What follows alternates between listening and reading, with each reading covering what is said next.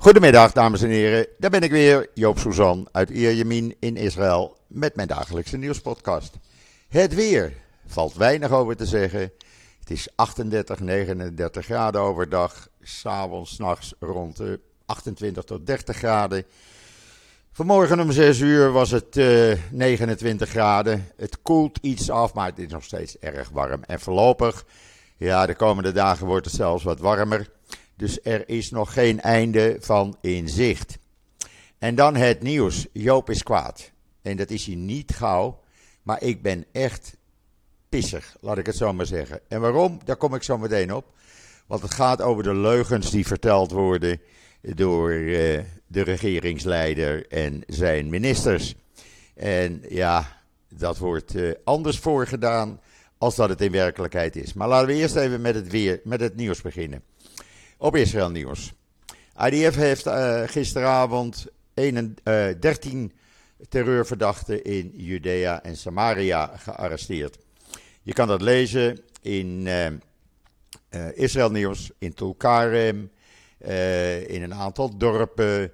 er werden wapens in beslag genomen. Nou ja, het was weer zoals gebruikelijk. Allemaal te zien en te lezen in Israël Nieuws. Waar je ook alles kan lezen over de nieuwe light rail. Hoe loopt die? wat is de route?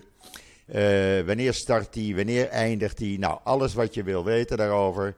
Met een video. Het staat allemaal in Israël Nieuws. Plus de complete route door uh, Badjam, Tel Aviv. Zo via Ramat Gan naar Petach Tikwa. Allemaal te lezen. Mocht je in Israël komen, dan heb je daar wat aan. En dan, uh, wat hebben we nog meer in Israël Nieuws? Nou, 36 geselecteerde Nahal-strijders van de IDF die leren hoe ze het monster, want zo wordt hij genoemd, het panzervoertuig Etan moeten temmen. Er staan foto's, beschrijvingen en een video in israelnieuws.nl. Altijd heel interessant. Het zijn me wat een monsters. Echt waar, het zijn enorme kolossen van panzerwagens.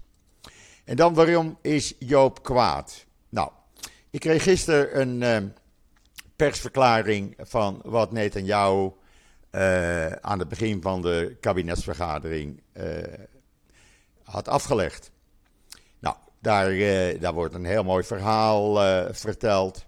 En dan begint hij met: In de 16 jaar dat ik regeringen heb geleid, hebben we revolutionaire hervormingen doorgevoerd die Israël hebben omgevormd tot een van de meest geavanceerde landen ter wereld. Op donderdag heb ik samen met mijn vrienden, de minister van Transport, de voormalige minister van Transport, de plaatsvervangend minister van Transport en anderen, de eerste uh, light rail in Tel Aviv, in Groot Tel Aviv, ingehuldigd. Nou, dat is niet helemaal waar. Ten eerste, Merev Michaeli, de vorige minister van Transport, was hierbij niet uitgenodigd. Waarom? Omdat ze onder de uh, premier Bennett en Lapid viel. Uh, dat vind ik al niet zo netjes. Dat, uh, dat hoor je niet te doen. Dan hoor je, als je iedereen uitnodigt, hoor je haar ook uit te nodigen. En dan zegt hij, de eerste dag hebben 100.000 Israëli's de nieuwe light rail gebruikt. Ja, natuurlijk. Het was gratis en voor niks, niemand al. Iedereen mocht er een, een keertje gebruik van maken, of twee keertjes, voor niks. En dan de eerste keer dat over deze light rail werd gesproken, dat was niet tijdens zijn bewind. Dat was al in 1974 onder Peres. En het besluit voor deze light rail is genomen 21 jaar geleden. Nou, dat is uh, voordat Netanyahu premier werd. En dan heeft hij het erover uh, in de persverklaring dat de regering alles doet. Een revolutie brengen ze ter, ter weg om de kosten van levensonderhoud te verlagen. Door de douanerechten en invoerbelemmeringen te verminderen. Nou, daar wordt al maanden over gesproken. Er is nog geen enkel besluit van genomen. Uh, daarnaast worden de prijzen alleen maar duurder. Het leven hier in Israël stijgt met de dag. En waarom? Omdat de uh, shekel gewoon minder waard wordt. Uh, en dat komt weer doordat de economie uh, minder goed draait. En dan zegt Netanyahu in die persverklaring dat de kredietbeoordelers en de kredietratingbureaus die bevestigen de kredietrating van Israël op een hoog niveau. Ze zien hoe goed onze economie draait en onze lage werkeloosheidscijfers. En de enorme investeringen in Israël door Intel, Amazon en anderen. Nou, dat is niet helemaal waar. Want de kredietratingbedrijven hebben juist gewaarschuwd: luister net aan jou, als jij die juridische hervormingen doorvoert, dan gaan wij de kredietrating verlagen. We houden hem nu nog op hetzelfde pijl, we verhogen hem niet. Uh, we maken hem niet beter, hij blijft op hetzelfde pijl. Maar hij gaat de volgende keer naar beneden toe als die juridische hervormingen erdoor gaan. En dan wordt er in de persverklaring, en ik kan me daar zo kwaad over maken, verstel dan gewoon de waarheid. En dan wordt er in die persverklaring gezegd dat Israël nieuwe stappen doet om artsen uit het buitenland aan te moedigen Aliyah te maken, te emigreren naar Israël. Nou, dat gaat nu om 190 uh, eh, buitenlandse, voornamelijk Amerikaanse uh, medici. Maar ondertussen, door de juridische hervormingen en het handelen van uh, de regering Netanyahu, verlaten steeds meer medici Israël. Er zijn er al een paar honderd die het land verlaten hebben naar Europa, maar voornamelijk Amerika zijn gegaan. En meer staan er op de lijst om Israël te verlaten. Dus er komen geen medici bij. Er, komen, er worden eh, alleen maar steeds minder medici geregistreerd hier. Dan moet je de waarheid zeggen. En dan heeft hij het over eh, eh, dat ze dus het besluit hebben genomen om eh, honderden miljoenen naar 3 miljard shekel, dat is zo'n 170 miljoen, nee 700 miljoen euro, naar Oost-Jeruzalem over te hevelen. Ja, nou, hij vertelt er niet bij dat nog verleden week Smotrich alles op alles zette, de minister van Financiën, om, dat geld juist niet naar Oost-Jeruzalem over te hevelen. Waarom niet? Omdat hij vond dat uh, gedeelte van dat geld gebruikt werd, zou worden voor terreurdaden. Dan kan hij wel trots op een foto staan met Netanyahu, Smotrich en de orthodoxe minister van Volkshuisvesting en de burgemeester van Jeruzalem. Maar dit was al maanden geleden besloten. 770 miljoen euro om precies te zijn. En Smotrich heeft alles op alles gezet om dat tegen te houden. Uh, nog steeds houdt hij 55 miljoen dollar, uh, betaalt hij niet uit aan Arabische steden en dorpen. Dat weigert hij, want hij wil niet dat er geld, belasting, Israëlisch belastinggeld, naar Arabieren gaat. Maar dat wordt er niet bij gezegd. Ik vind, dan moet je eerlijk zijn. En als je de boel belazert, ja, dan krijg je demonstraties, dan vertrouwt niemand je meer. Ook nu nog is uh, Smotrich uh, bezig om dat geld tegen te houden. Want Arabische dorpen en steden hebben vanmorgen een aantal uren een staking uh, die ze houden. Juist uit protest van wij moeten dat geld hebben om onze steden en dorpen ook een beetje op peil te houden. Maar Smotrich is zo'n racist, die betaalt dat dus niet uit. En ik vind dat niet kunnen. Ik vind als je uh, als regering niet eerlijk bent, ja, sorry, dan houdt het voor mij gewoon op. En dat tekent ook de mentaliteit van deze regering. Er worden uh, verhalen verteld die mooier voor worden gedaan als dat ze in werkelijkheid zijn. Waardoor niemand dus meer vertrouwen heeft in welk besluit dan ook. Want nogmaals, ik ben vanmorgen weer even bij de supermarkt geweest. Dan moet je wat boodschappen doen. Uh, dan zie je alleen maar dat de producten weer duurder zijn geworden. Dat er weer minder producten uit het buitenland Israël binnen zijn gekomen. Café pindakaas al maanden niet meer te koop in Israël. Terwijl het altijd volop te koop was. En dat soort dingen, dat gaat mij irriteren. En daarom demonstreer ik ook. Want men is gewoon niet eerlijk. En er wordt alleen maar gesproken door de regering over verlagen van uh, uh, levensonderhoud.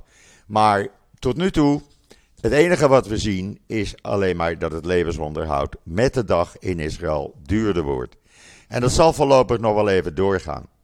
Ondertussen hebben de coalitieleiders gisteren bij elkaar gezeten om te praten over de ultra-orthodoxe wetsontwerp om uh, uh, zeg maar uh, geen jongelui, ultra-orthodoxe jongelui de dienst in te laten gaan. Nou, daar is men niet uitgekomen. die vrijstellingswet, de Likud wil het niet. die wil een andere wet hebben. Dat willen de ultra-orthodoxen niet. Er is dus geen overeenstemming. De ultra-orthodoxen hebben gedreigd van als deze wet niet wordt aangenomen, gaan wij voor geen enkele wet eh, stemmen. Dat betekent dat Netanyahu dus geen meerderheid in de Knesset heeft.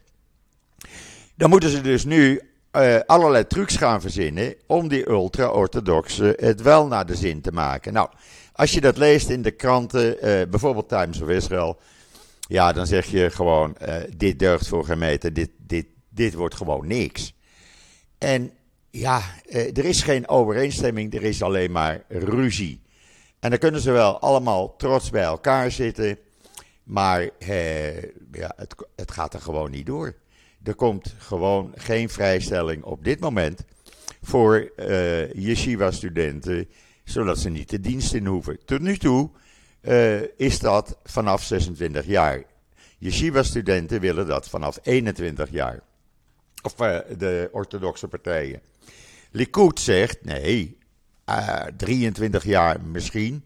Daar zou nog over te spreken zijn. Maar uh, eh, 21 jaar geen denken aan. er waren zelfs orthodoxe partijen die zeiden: wij willen eigenlijk dat geen enkele jongen van onze gemeenschap de dienst in hoeft. Met andere woorden, Israël moet verdedigd worden door seculaire jongelui en niet door orthodoxe jongelui. Nou, uh, sorry, dat kan niet. Dat, dat deugt voor geen meter. En uh, ik zie daar voorlopig ook nog geen uh, oplossing in komen. Het NIW gisteren had een heel mooi artikel over het Auschwitz Museum. Hoe die meneer Musk, de baas van Twitter, even op zijn nummer heeft gezet. Ik ga het niet helemaal verraaien. Dan moet je even naar de website van het NIW gaan. En daar kan je het lezen. Want die blokkeer, blokkeerfunctie die uh, meneer Musk uh, uit Twitter wil halen. Ja, dat bevalt uh, niemand. En helemaal het Auschwitz museum niet. Want die zeggen, dan krijgen we al die antisemieten constant over ons heen. Nou, dat zeg ik ook. of ik door zal gaan met Twitter, weet ik niet. Op het moment dat die blokkeerfunctie niet meer werkt.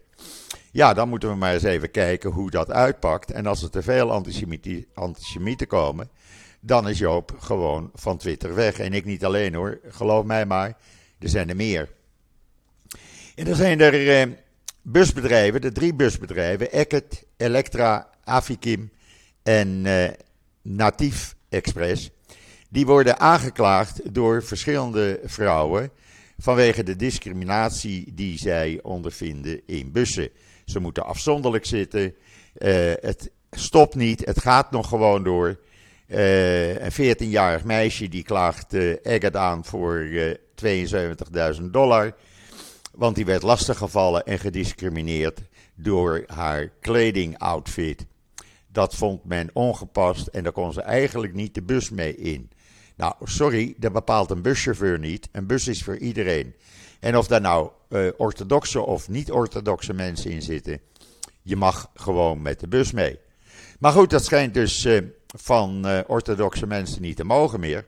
En men wil weer terug naar de middeleeuwen. Nou, ik vind dat deze dames groot gelijk hebben. Je kan het lezen in Times of Israel. Daarnaast uh, zijn er afgelopen avond in Jeruzalem bussen, uh, de banden van bussen leeggeprikt. En waarom? Omdat die reclames op de zijkant hadden staan waar vrouwen op stonden. Dat mag niet van de ultra-orthodoxe mannen. Dan prikken we de banden van deze bussen maar leeg. Vier bussen konden daardoor niet meer verder. Nou, sorry, we gaan niet terug naar de middeleeuwen. Uh, dat kan gewoon niet. En als men op deze manier denkt door te moeten gaan, ja, dan past dat eigenlijk wel in het straatje waar de regering mee bezig is. Om steeds minder uh, vrijheden, of steeds meer vrijheden af te nemen en steeds meer beperkingen op te leggen. Dat maakt het leven hier minder aantrekkelijk, kan ik je wel zeggen. En dan is er een nieuwe variant van COVID ontdekt. Niet dat we ons daar erg veel zorgen over moeten maken. Maar het is een, uh, een nieuwe COVID-variant. Uh, die heeft op social media de bijnaam Pirola gekregen. En die werd in het laboratorium van het Soraski, oftewel Igelov ziekenhuis, ontdekt. De WHO, de Wereldgezondheidsorganisatie, heeft hem ook al in de gaten. Hij is ook al ontdekt in Amerika en Denemarken. En Israël is dus het derde land. Het staat in de Engelstalige Ynet, daar kan je het lezen. En dan zijn de uh, christelijke organisaties, die zijn erg kwaad. Want ja, afgelopen vrijdag op het laatste moment kreeg men geen toestemming om een jaarlijks orthodox-christelijk evenement in Haifa te vieren. Zogenaamd omdat de brandweer het niet goedkeurde. Het lijkt wel of de laatste maanden er steeds meer beperkingen voor christelijke organisaties zijn. En ik vind dat niet kunnen. Dat doet deze regering echt. Dat heeft echt met deze regering te maken. Bijvoorbeeld de visa van uh, christenen die hier in Jeruzalem werken, die worden niet meer verlengd. En als ze al verlengd worden, gaat dat pas na heel veel moeite. Je kan het lezen in de Engelstalige Ynet. Dat zijn natuurlijk ook zaken waarvan je zegt van ja, moet dat nou? Moet men nu opeens beperkingen aan christenen gaan opleggen? Heeft dat allemaal te maken met uh, de invloed van uh, extreem rechts? Uh, de orthodoxe kolonisten zijn dat. Of de ultra-orthodoxe partijen in deze regering. Ik zou het niet weten, maar het, het valt wel erg op de laatste maanden, moet ik u zeggen. En dan gisteravond, een man reed per ongeluk een uh, Arabische en Palestijnse stad in. Uh, in Turmus Aya, nooit van gehoord, maar het ligt op de Westbank. En ja, toen werd zijn auto in brand gestoken. IDF heeft hem gered. Je kan de foto en Twitter zien in de Times of Israel en andere kranten. Maar hij is zijn auto kwijt. ze hebben ook met stenen naar hem gegooid. En de troepen, de IDF-troepen, hebben hem weten te redden zonder auto. Ja, het is ook link om uh, Arabische steden op dit moment binnen te gaan. Het kon altijd wel. Het herinnerde mij gisteren bijvoorbeeld. Gisteren was het uh, alweer 13 jaar geleden dat mijn gabber Connie Mus overleed. En ik mis hem nog constant, echt waar. We hebben zo'n fantastische tijd gehad. En met Connie ben ik bijna elk weekend zijn we of naar Bethlehem of naar Ramallah gegaan of andere plaatsen. We gingen daar eten, we gingen daar winkelen, we gingen daar gewoon eh, op het terrasje zitten. Connie wist daar overal de weg. Connie gaf ook fantastische barbecue-avonden. Er was altijd wel een reden voor Connie om een avond uh, te organiseren waar uh, een heleboel mensen bij, bij, werden uitgenodigd. En iedereen nam dan wat mee. Hij woonde in Kerem uh, bij Jeruzalem. In de bossen. En ja, dat was altijd leuk.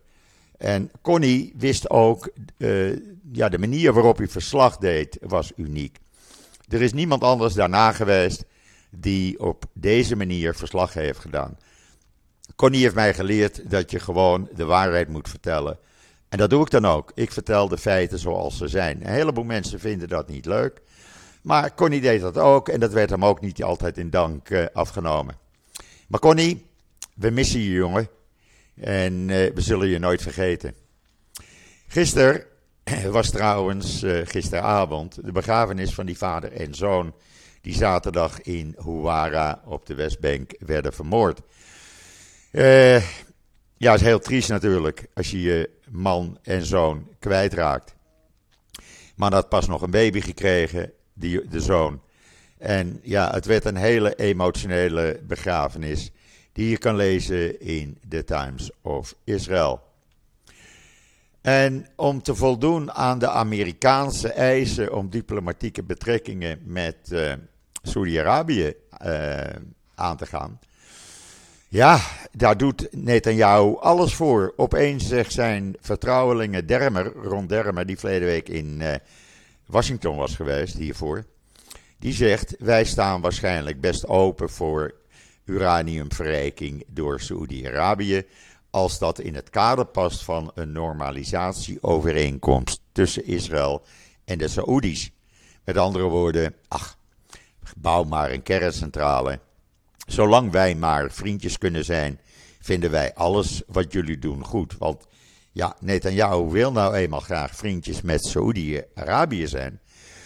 En daar, eh, daar wordt gewoon alles voor eh, toegegeven. Let maar op, alles wat die Saoedi's gaan eisen, daar gaat Netanyahu in mee. Het is niet anders. Er wordt niet onderhandeld. Echt niet. Ja, voor de formaliteit misschien. Waar ik me ook kwaad om maak.